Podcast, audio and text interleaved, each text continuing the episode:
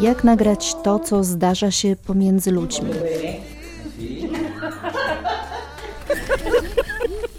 W jaki sposób opowiedzieć o miłości? Gdybym mogła się śmiać, to bym się śmiała od rana do wieczora. No.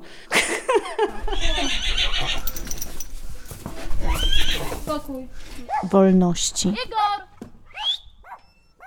Godności. chodź, Igorku, chodź. A to znaczy co, już zaczynamy? Już wszystko tak? Zapraszamy na podcast Torby Reportera i Podcastera.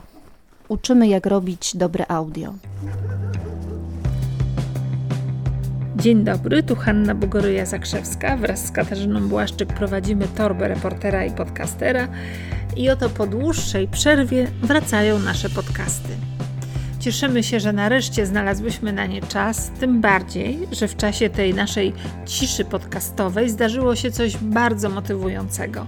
Otóż we wrześniu tego roku, 2021, otrzymałyśmy od miesięcznika Media Marketing Polska tytuł uwaga, uwaga, podcast roku za projekt pionierski, nieszablonowy i oryginalny. Tę nową serię podcastów zaczniemy od odcinka poświęconego muzyce, ale nie tej bezpłatnej, którą można znaleźć na różnych stronach internetowych, tylko takiej, na którą musimy kupić licencję w ZAX-ie. Ja często rozmawiam z podcasterami i zorientowałam się, że są pewne obawy przed licencjami i że podcasterzy raczej szukają darmowych źródeł. I właśnie dlatego postanowiłam porozmawiać z ZAX-em. I tu ważna uwaga. Pracowałam w radiu ponad 30 lat i przyzwyczaiłam się, że na hasło jestem dziennikarką radiową urzędy w szybkim tempie umawiały mnie na nagrania. Natomiast teraz, jako podcasterka, widzę, że z tym bywa różnie. I dlatego w tym miejscu bardzo dziękuję Stowarzyszeniu Autorów ZAX, bo ono nawet z pewnym entuzjazmem zareagowało na propozycję nagrania. I oto pewnego dnia spotkaliśmy się online. Przemysław Tchoń, kierownik Wydziału do Spraw Internetu i Anna Zakrzewska-Biczyk, zajmująca się w tym wydziale między innymi podcastami. Umówiliśmy się, że będę miała przed sobą stronę główną ZAX-u i przejdę taką samą drogę jak podcaster, który kupuje licencję. Proponuję, żebyście też otworzyli sobie stronę ZAX-u zax.org.pl.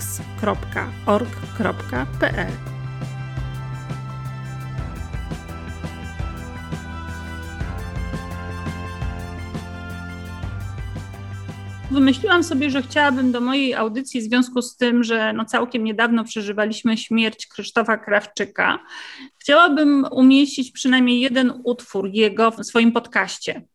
I teraz pytanie, czy ja mam na 100% pewność, że jego utwory będą w ZAX-ie? Tak, posiadamy Stowarzyszenie Autorów ZAX pełną reprezentację, czyli w myśl odpowiedniego artykułu możemy udzielić licencji na dowolny utwór. Wchodzę na stronę zax.org.pl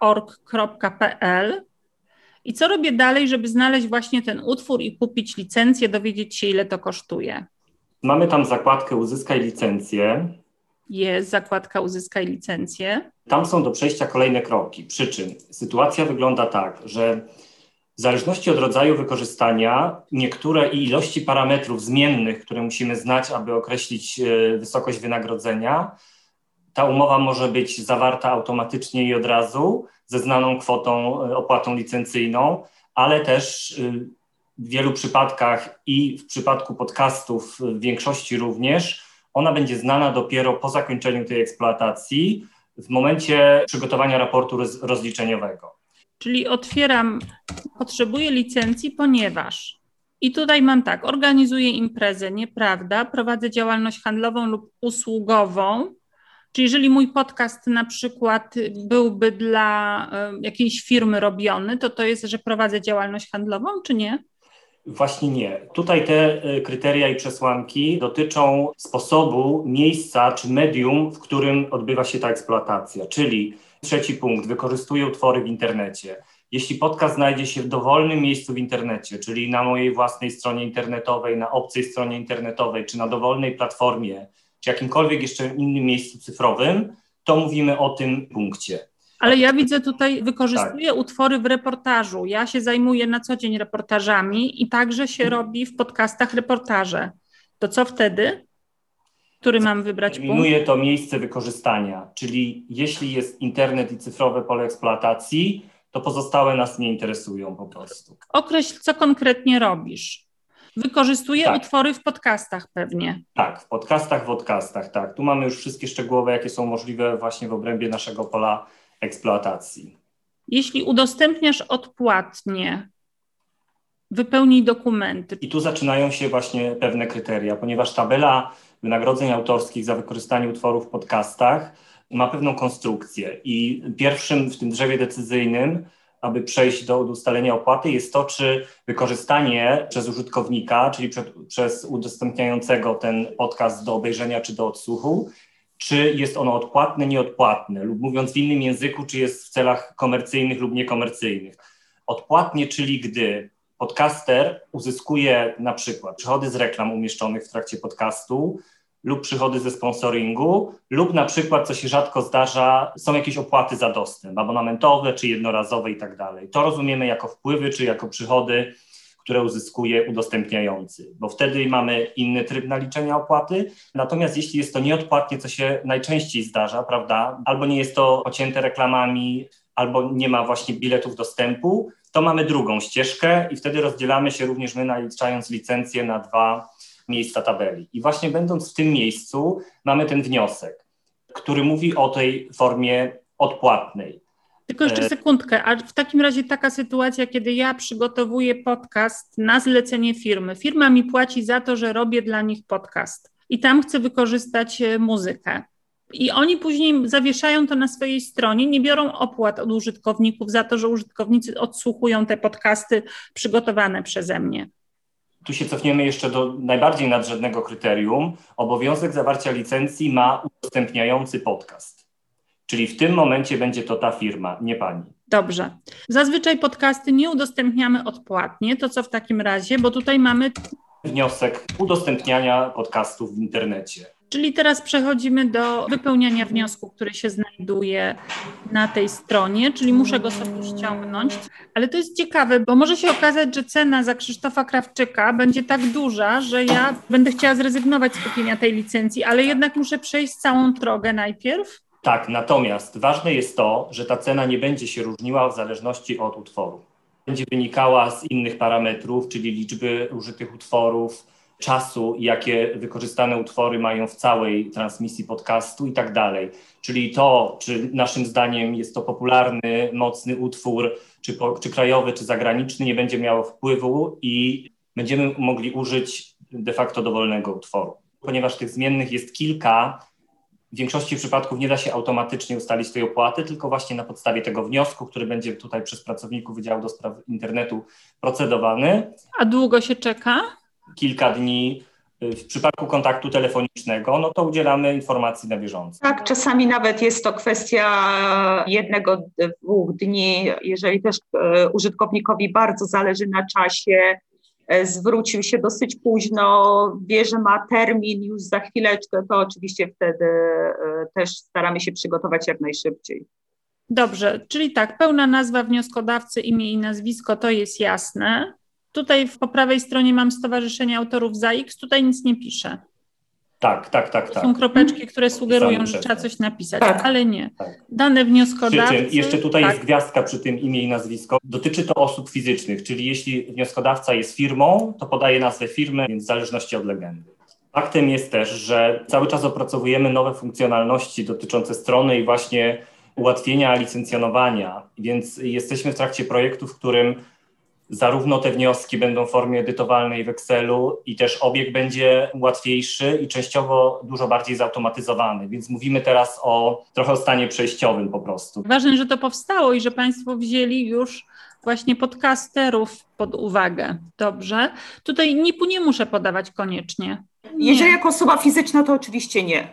Dobrze. PESEL, tak. PESEL, tak. PESEL podałam i teraz muszę podać miejsce zamieszkania. To ma oczywiście wszystko implikacje też podatkowe dla obydwu stron, dlatego no, wszystkie te informacje są niestety niezbędne. Myślałam, że to jest po prostu, macie tam Państwo, że Krawczyk kosztuje tyle, a Adel kosztuje tyle i już. Są osoby uprawnione do reprezentacji wnioskodawcy, nie muszę tego wypełnić. Nie, pani, nie, tego pani Tak, nie, do, tak. to nie dotyczy. Nie jestem pani. płatnikiem VAT-u, zaznaczam. Mhm. Zgoda na utrzymywanie faktur w formie elektronicznej. No. To jest opcjonalnie do wyboru. Wnioskodawca jest gminnym zakładem budżetowym, nie jest. Nie. Wnioskodawca jest podmiotem prowadzącym działalność kulturalną. Też to pani nie dotyczy. Nie ma tu To potrzeby. tutaj mamy rodzaj prowadzonej działalności, czyli mam podcasty.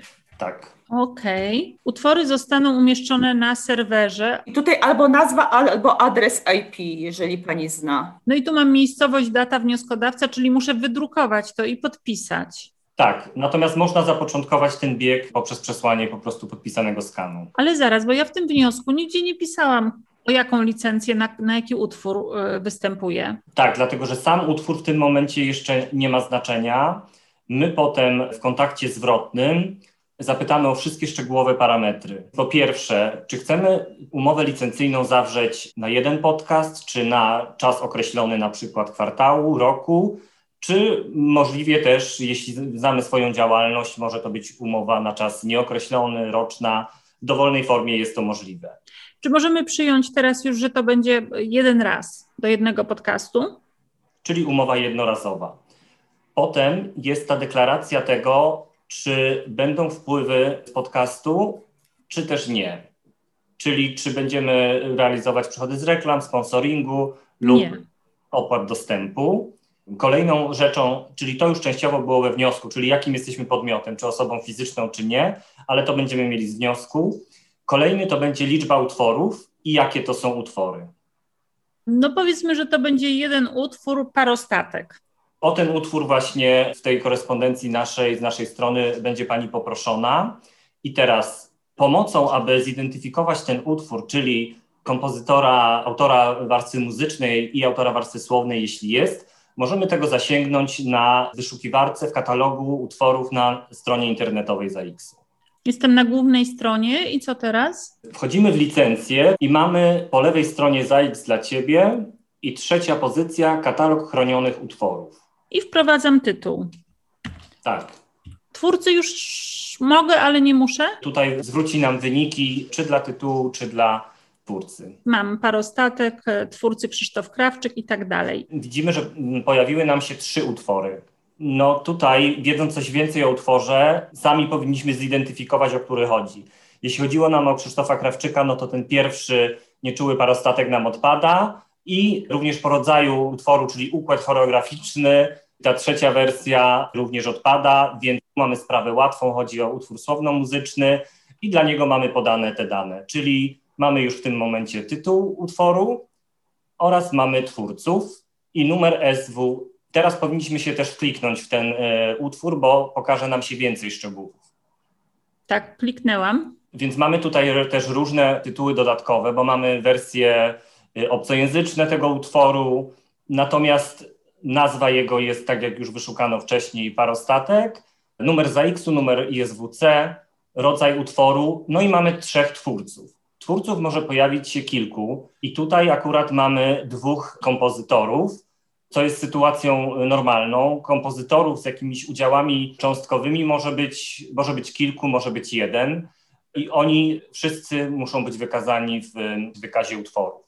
Autora tekstu mamy jednego. I co ja dalej z tym robię? Te dane będą potrzebne nam do przesłania w wykazie utworów, czyli tytuł, kompozytorzy i autorzy tekstu. Czyli ten utwór będziemy licencjonować, a potem podzielimy wynagrodzenia autorskie na dokładnie tych y, autorów, którzy są przypisani.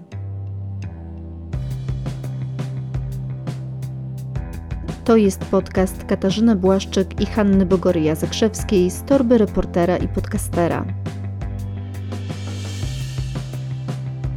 A ile tych utworów jest w bazie, proszę powiedzieć? To jest trudne pytanie, ponieważ ta liczba też jest zmienna, natomiast ona jest ogromna, to znaczy w bazie historycznie zostały zauploadowane wszystko to, co przetwarzaliśmy, czyli historycznie z wszystkich lat, z wszystkich naszych organizacji siostrzanych, zgłoszonych, zarejestrowanych utworów muzycznych, słowno-muzycznych, słownych i choreograficznych. Także jest tego sporo, jest duża, duże prawdopodobieństwo, że utwór zostanie tak znaleziony. Jeżeli chodzi o utwory polskie, to można powiedzieć, że wszystkie będą u Państwa. Tak, ale myślę, że analogicznie można powiedzieć to o utworach zagranicznych, dlatego że my inkasujemy wynagrodzenia autorskie w tych samych okresach i na bieżąco dla organizacji zagranicznych i przesyłamy tam wynagrodzenia, więc wszystkie te utwory również musieliśmy mieć zidentyfikowane. Czyli tak, e, wysłałam do Państwa wniosek, dostaję maila, żeby uściślić właśnie to, co zrobiliśmy przed chwilą, podaję, o czyją piosenkę występuje i co dalej? Aniu, tutaj chciałbym Ciebie jeszcze dopytać o kwestię mhm. długości utworu. Powinna taka informacja być nam podana, bo to też ma wpływ potem na wysokość wynagrodzenia autorskiego. Na przykład, gdybym w następnym podcaście znowu jednak postanowiła wrócić do tego utworu, to powinnam podać, że będę dwukrotnie w podcaście wykorzystywała. Tak, i wtedy te dane de facto mamy już gotowe. Gdyby... Czas utworu jest o tyle ważny lub sumy wszystkich utworów, że on udział tego czasu w całym czasie podcastu będzie implikował opłatę właśnie, dlatego on jest potrzebny. Tutaj w przypadku Krzysztofa Krawczyka to jest taka sytuacja jednokrotnego wykorzystania, ale mamy sytuację, z której podcaster robi sobie jingle z jakiejś muzyki, intro tak zwane. Czyli wie o tym, że będzie to wykorzystywał w każdym podcaście, tylko nie wie, czy tych podcastów zrobi siedem, znudzi się i porzuci, czy będzie je robił przez następne pięć lat.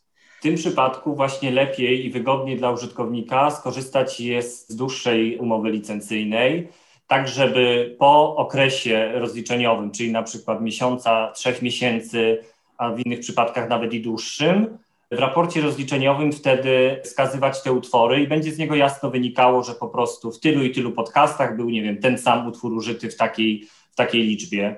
Również kwestia jest tutaj ważna, że może Pani zdecydować po zawarciu umowy, że jednak chce Pani dodać jeszcze kolejny utwór, czy nawet zmienić tą listę utworów i wtedy też, ponieważ te dane dostarczane są po tym okresie eksploatacji w momencie rozliczenia, to wtedy zgodnie ze stanem rzeczywistym, jakim był, będą podane dopiero te utwory. Czyli takie de facto, jakich Pani użyła, na przykład innych niż były planowane. A licencja jest udzielana jako licencja generalna, czyli dopiero po upływie jakiegoś okresu rozliczeniowego Pani nam przesyła informacje, jakie utwory w danym okresie rozliczeniowym były wykorzystane. Czyli jest tu po prostu większa elastyczność i w okresie trwania umowy, ponieważ możemy licencjonować wszystkie utwory, to można sobie je dowolnie dobierać.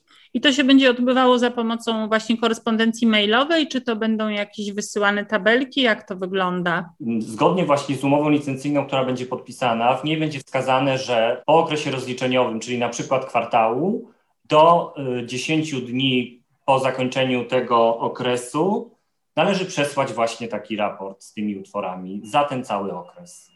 Wzór takiego raportu będzie załącznikiem do umowy, w związku z tym no jakby też Pani będzie wiedziała, jakie dane są tutaj niezbędne, jak ten raport powinien być sporządzony. Podcasterzy no, jak ognia boją się płacenia za muzykę. Wracamy do parostatku. Wykorzystuje Pani, załóżmy, nie wiem, podpisujemy umowę na jeden miesiąc albo na tydzień, czy na dwa tygodnie.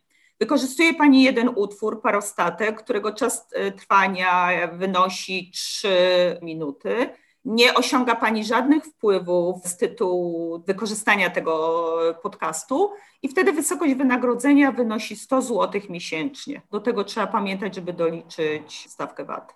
Tu jest istotne, ponieważ w tej konstrukcji tabeli wynika, że jeśli użyje Pani do 20 utworów, to w dalszym ciągu ta stawka będzie wynosiła 100 zł.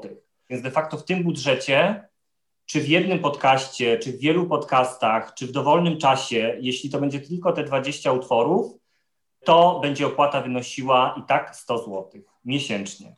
Tak, jeszcze trzeba by było tutaj wspomnieć, że e, ta, te stawki są trochę zróżnicowane e, w zależności od tego, czy ten podcast będzie udostępniany tylko do odsłuchu, natomiast no, może, może też być udostępniany do pobrania.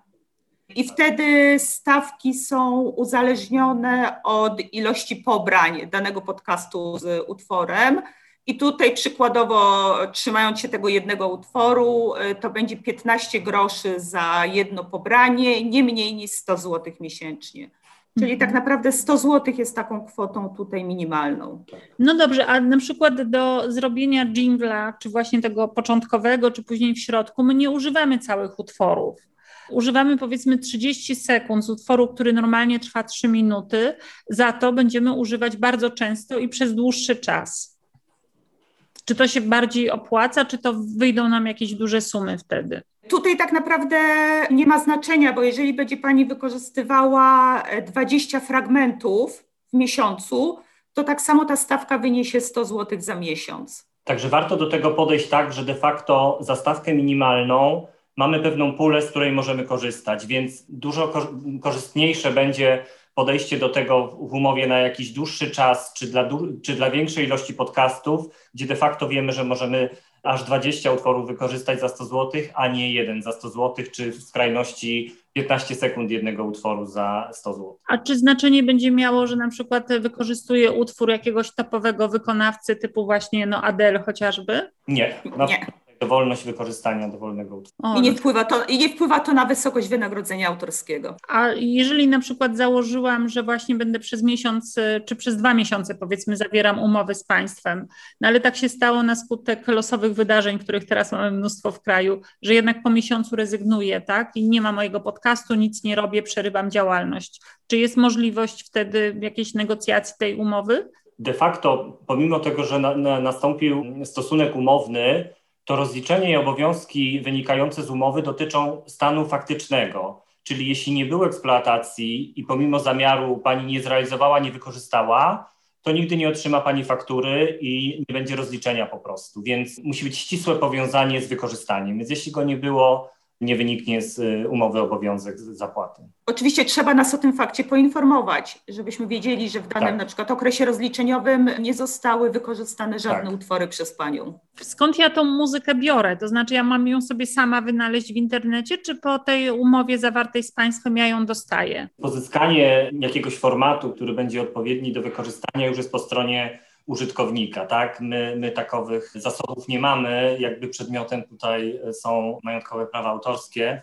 Można go de facto z dowolnego miejsca pozyskać, tak myślę, pod warunkiem, że mamy odpowiednią licencję która reguluje jego wykorzystanie. Czego właśnie my nie wiemy często, zwykli użytkownicy, o, o tym wykorzystywaniu utworów? Po pierwsze, musimy pamiętać o tym, żeby zamiar wykorzystania utworów chronionych zgłosić do odpowiedniego miejsca, czyli w tym przypadku do ZAX-u. Jest jeden wyjątek, kiedy nie będzie takiego obowiązku. To znaczy, jeśli podcast będzie udostępniony na platformie YouTube i użytkownik udostępniający ten podcast umożliwi monetyzację dla platformy, czyli wstawienie reklam przez YouTube'a, to wtedy nie ma zupełnie obowiązku zawarcia z ZAX umowy licencyjnej. Ale Więc... jeżeli ten podcast później ja wsta- bo ja tak robię, że moje podcasty są i na YouTubie, i na Spotify'u, i na innych platformach. Nie, dotyczy to tylko YouTube'a. YouTube'a.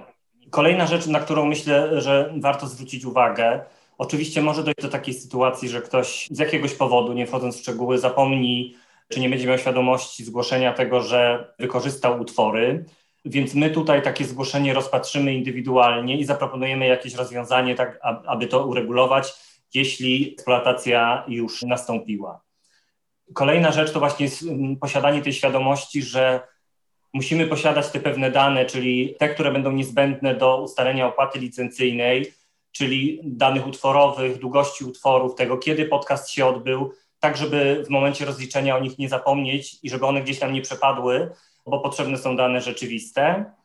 I myślę, ostatnia rzecz, która już będzie wynikała z umowy, ale też czasem się o tym nie pamięta, żeby pamiętać o tym czasie, jaki mamy na dostarczenie tych danych już po eksploatacji, czyli żeby jednak w tym okresie przesłać te dane, a my rozliczymy umowę i prześlemy fakturę.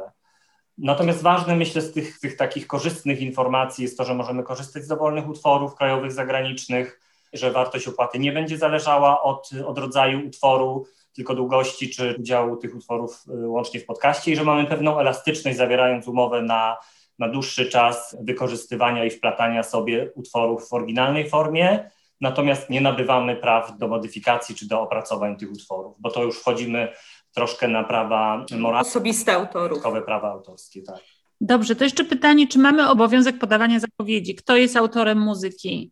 Czy to w formie pisemnej w komentarzu do podcastu, czy w samym podcaście? Jak to wygląda? E, zgodnie z przepisami ustawy o prawie autorskim i prawach pokrewnych powinniście Państwo takie dane podawać. Czyli tak naprawdę nie tylko w podpisie pod podcastem, ale tu również wykorzystując ten utwór i mówiąc o nim w podcaście już bezpośrednio. Ale z drugiej strony, to co nad czym ja bardzo ubolewam, kiedy słucham radia jakiegoś, tam w ogóle nie wiem, kto śpiewa, nikt nie podaje, a przecież oni także Państwu płacą za X-ie, prawda?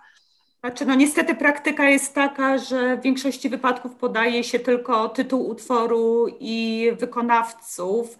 Rzeczywiście bardzo rzadko podawani są e, autorzy i kompozytorzy.